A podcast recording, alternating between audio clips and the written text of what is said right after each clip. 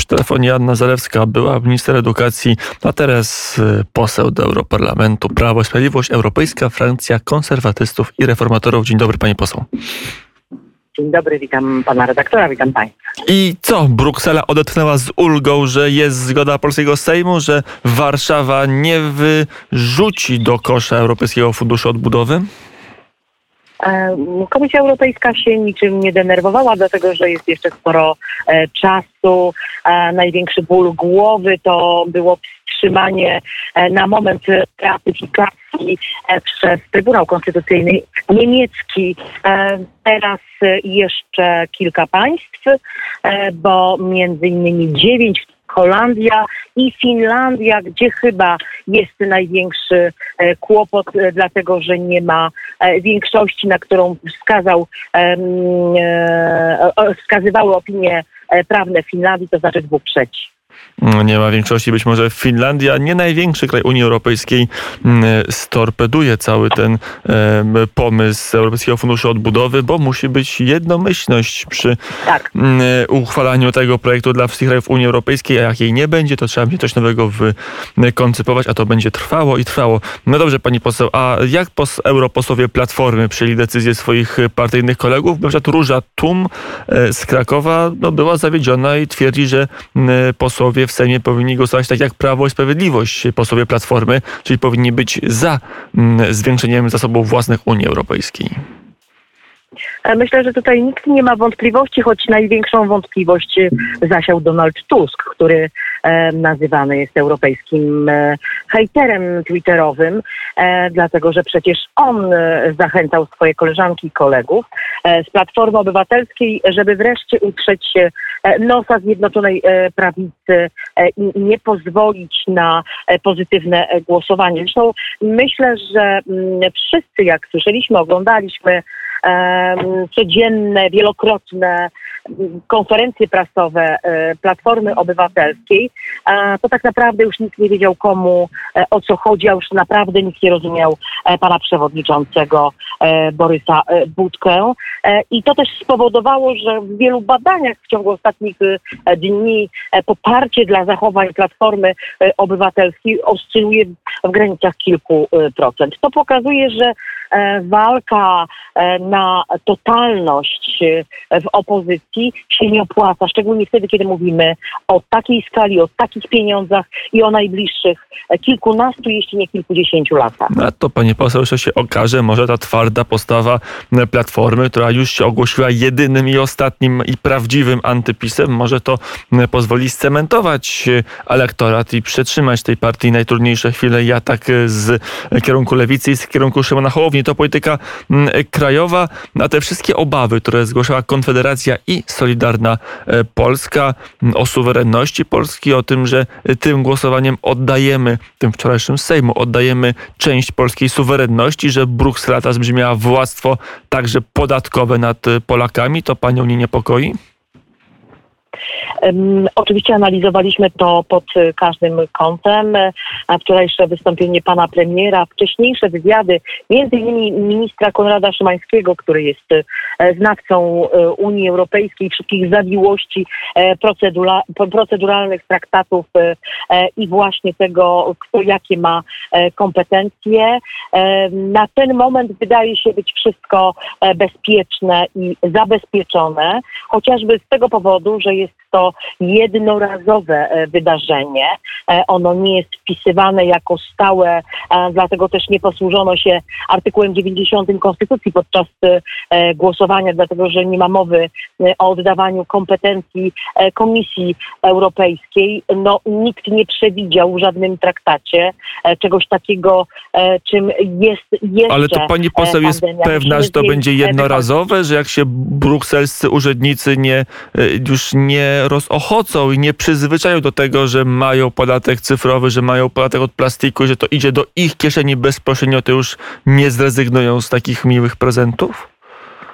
E, ale oni cały czas e, próbują to, żeby było jasne. Ja zachęcam e, koleżanki i kolegów z Platformy Obywatelskiej, żeby byli bardziej czujni przy każdym głosowaniu nad każdym przepisem, dlatego że tam dosłownie przy każdym wydarzeniu prawnym Komisja Europejska próbuje zabierać sobie, przywłaszczać różnego rodzaju kompetencje. My ostatnio mieliśmy do czynienia z takimi zdarzeniami przez rok, kiedy e, pracowaliśmy nad e, prawem klimatycznym, skończyliśmy dwa tygodnie temu. Uwaga, w nocy e, żaden kolega z Platformy Obywatelskiej nie przybiegł, nie przybiegł z aparatem fotograficznym, żeby na Twitterze umieścić hasło prawo klimatyczne uchwalane jest w nocy. Więc na bieżąco i codziennie trzeba pilnować tego, żeby Komisja Europejska nie przekraczała swoich kompetencji, czy nie wpisywała różnego rodzaju rozporządzenia, dyrektywy. A to nie jest tak, że Unia Europejska pomalutku, po łyżeczce, po maluteńkiej łyżeczce odbiera nam wolności, czy odbiera nam kompetencje nam, czyli rządom krajowym, których my wybieramy i zabiera do siebie, do urzędników, których nikt z nas nigdy na oczy nie widział, nigdy ich nie wybierał i nawet nie wie o ich istnieniu często.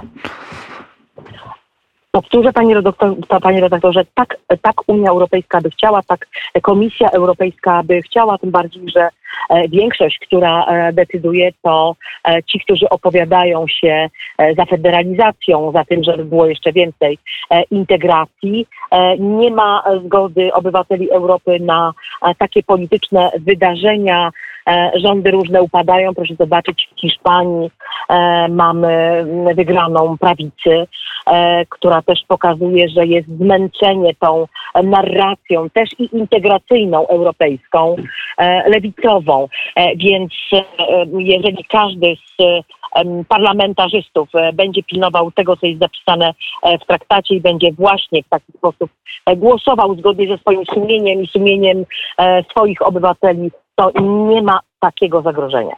Mm, o ile europosłowie będą zdolni wyłapać wszystkie takie próby, to mm, duży optymizm, żeby w gąszczu europejskiego prawa. Musimy się wzajemnie pilnować, e, kiedy e, ja, bo ja pracuję cały czas nad wszystkimi przepisami klimatycznymi, e, uprzedzam, wysyłam listy, wskazuję na wszystkie ewentualne zagrożenia, prosząc między innymi wszystkich polskich eurodeputowanych o to, żeby mieli baczenie, żeby zdawali sobie e, sprawę z konsekwencji e, i żeby tak, a nie inaczej e, głosowali. Często zdarza się, że mimo naszych różnic głosujemy wspólnie.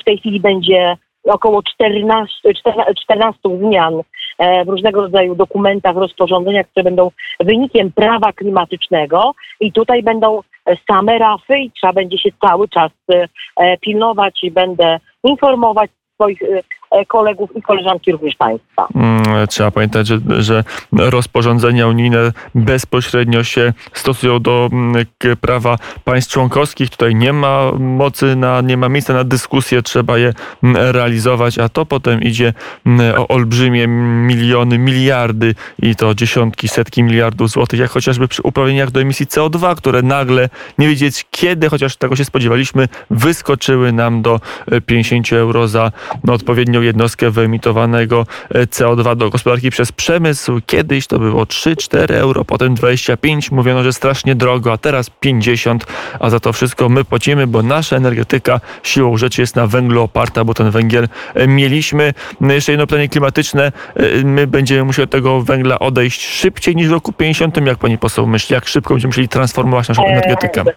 To, co e, może najpierw, e, bo to jest bardzo ważna kwestia, którą e, pan redaktor przypomniał, ona jest jedną z najważniejszych, nie tylko w Polsce, ale w Unii Europejskiej, dlatego że między innymi ja w tej chwili rozważam ze swoimi koleżankami i kolegami w EKR-ze, czy jednak nie pójść do instytucji kontrolujących i sprawdzających między innymi do Olafa w Unii Europejskiej, żeby skontrolował, co się dzieje na rynku emisji dwutlenku węgla, dlatego że wszystko na to wskazuje, że jest to rynek spekulacyjny. Rok temu, mimo że mamy pandemię i duże ograniczenia e, w produkcji i przemieszczaniu się, ona kosztowała 16 euro. E, to nie tylko jest kwestia e, Polski, ale również całej Unii Europejskiej, co przy no, budowie Nord Stream 2 też tutaj podejmujemy takie e, naprawdę już e, zdeterminowane kroki, żeby zatrzymać Nord Stream 2 i mówimy, że to nie jest e, rosyjski projekt, ale niemiecki i że to po stronie Komisji Europejskiej jest w tej chwili, żeby zatrzymać Niemcy i zatrzymać Nord Stream 2. To oczywiście jest to duże zagrożenie dla Polski, bo za moment nie będziemy mieli po co pisać jakichkolwiek strategii energetycznych, bo po prostu wszystkie nas, nasze spółki, e, ciepłownie, e, przemysł chemiczny, papierniczy bankrutują, dlatego że nikt nie jest w stanie ponieść takich kosztów opłaty za tonę dwutlenku węgla. Na szczęście, i to się właśnie wydarzyło w nocy nad ranem, bo o pierwszej w nocy jeszcze nie było to takie pewne, E, podczas dyskusji zamknięcia już e, prac nad prawem klimatycznym e, forsowaliśmy jednak zapis mówiący o zeroemisyjności do 2050 roku na poziomie Unii Europejskiej.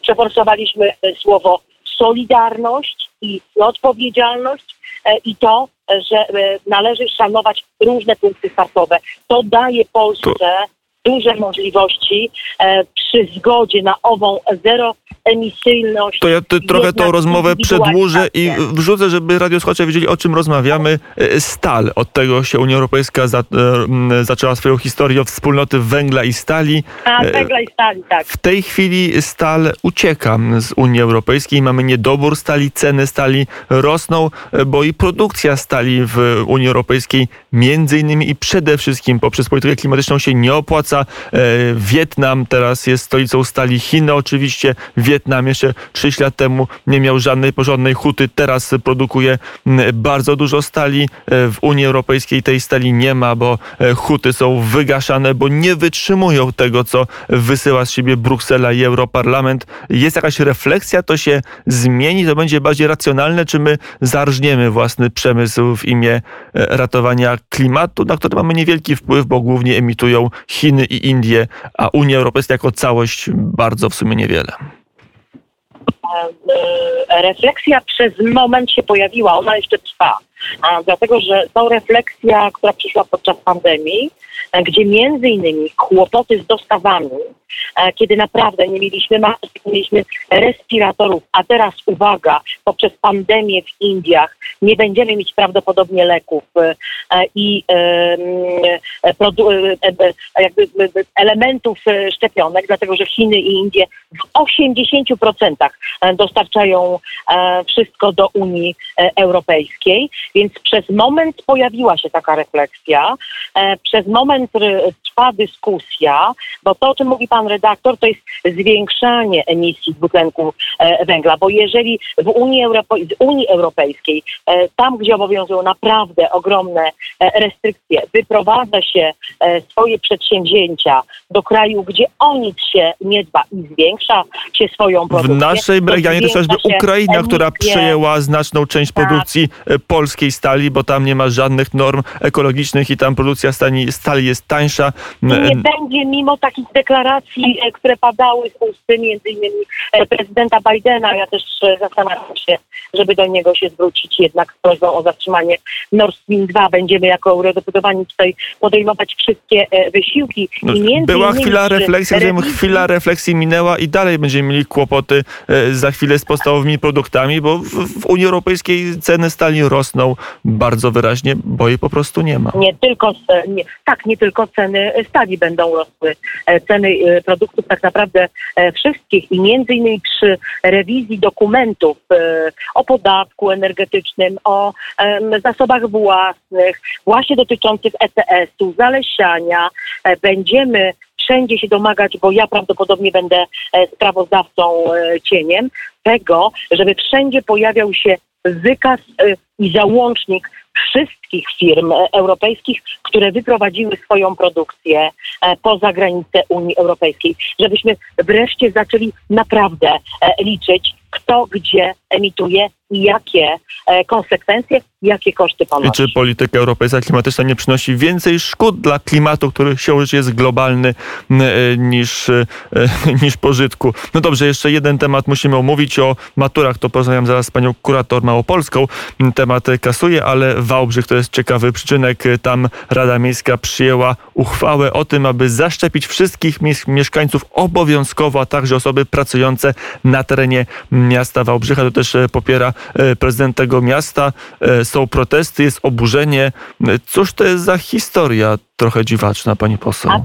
A My jesteśmy, panie redaktorze, do tych dziwacznych historii e, z Wałbrzychu, dlatego że e, jeszcze niedawno e, pan prezydent, bo to są pomysły pana prezydenta, który czasami uważa, że jest Sejmem prezydentem Rzeczypospolitej razy, razem wziętym i przekracza swoje kompetencje. Mieliśmy taką uchwałę w Wałbrzychu, że to w Wałbrzychu, uwaga, nie ma plastiku, nawet billboardy były. Oczywiście informujący cały świat, że w Wałbrzychu nie ma plastiku, co oczywiście nie było prawdą, bo przecież e, są e, zupełnie inne. I to jest e, kolejna uchwała, e, no, która pokazuje jednak dużą nieodpowiedzialność pana prezydenta i całej Rady, która podjęła taką decyzję. Nie ma żadnego umocowania prawnego, żeby taką uchwałę podejmować. To po prostu prowokacja. Tym bardziej prowokacja, że pan prezydent, który dzięki przychylności pana ministra Dworczyka dostawał dowolną liczbę szczepionek i w Wałbrzychu szczepił ludzi z całej e, Polski, nie zadbał o promocję tego szczepienia e, w Wałbrzychu po to, żeby zachęcić, a nie zmuszać. e, swoich obywateli. Ja rozmawiałam już z wojewodą, oczywiście ta uchwała jest e, nieważna, pewnie za moment rozpocznie się e, procedura, ale e, to pokazuje, że e, chcąc e, promować e, szczepienia, e, dokonujemy e, rzeczy zupełnie odwrotnych. E, Myślę, że e, te decyzje pana e, prezydenta e, no jednak nie przełożą się na pozytywne emocje, jeżeli chodzi o mieszkańców e, Wałbrzycha, żeby ich po prostu w różny sposób e, zachęcić. Na przykład e, podjechać do starszych ludzi, którzy nie mogą wyjść z domu, na przykład zaszczepić niepełnosprawnych, nad którymi pieczę ma również pan prezydent jako prezydent Wałbrzycha.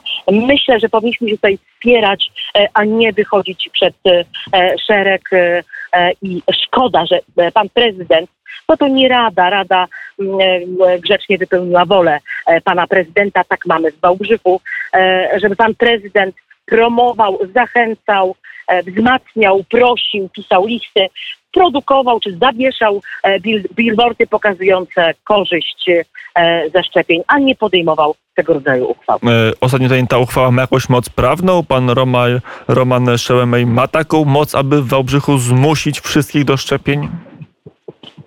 No oczywiście, że nie ma. Czasami mam wrażenie, że wydaje mi się, że ma. E, Powiedziała Anna Zalewska, była minister edukacji, m, poseł do Europarlamentu, m, Prawo i Sprawiedliwość, Europejska, frakcja konserwatystów i reformatorów. Dziękuję bardzo za rozmowę. Dziękuję, pozdrawiam. Zdrowego dnia i następnych dni. M, Również życzymy wszystkiego dobrego.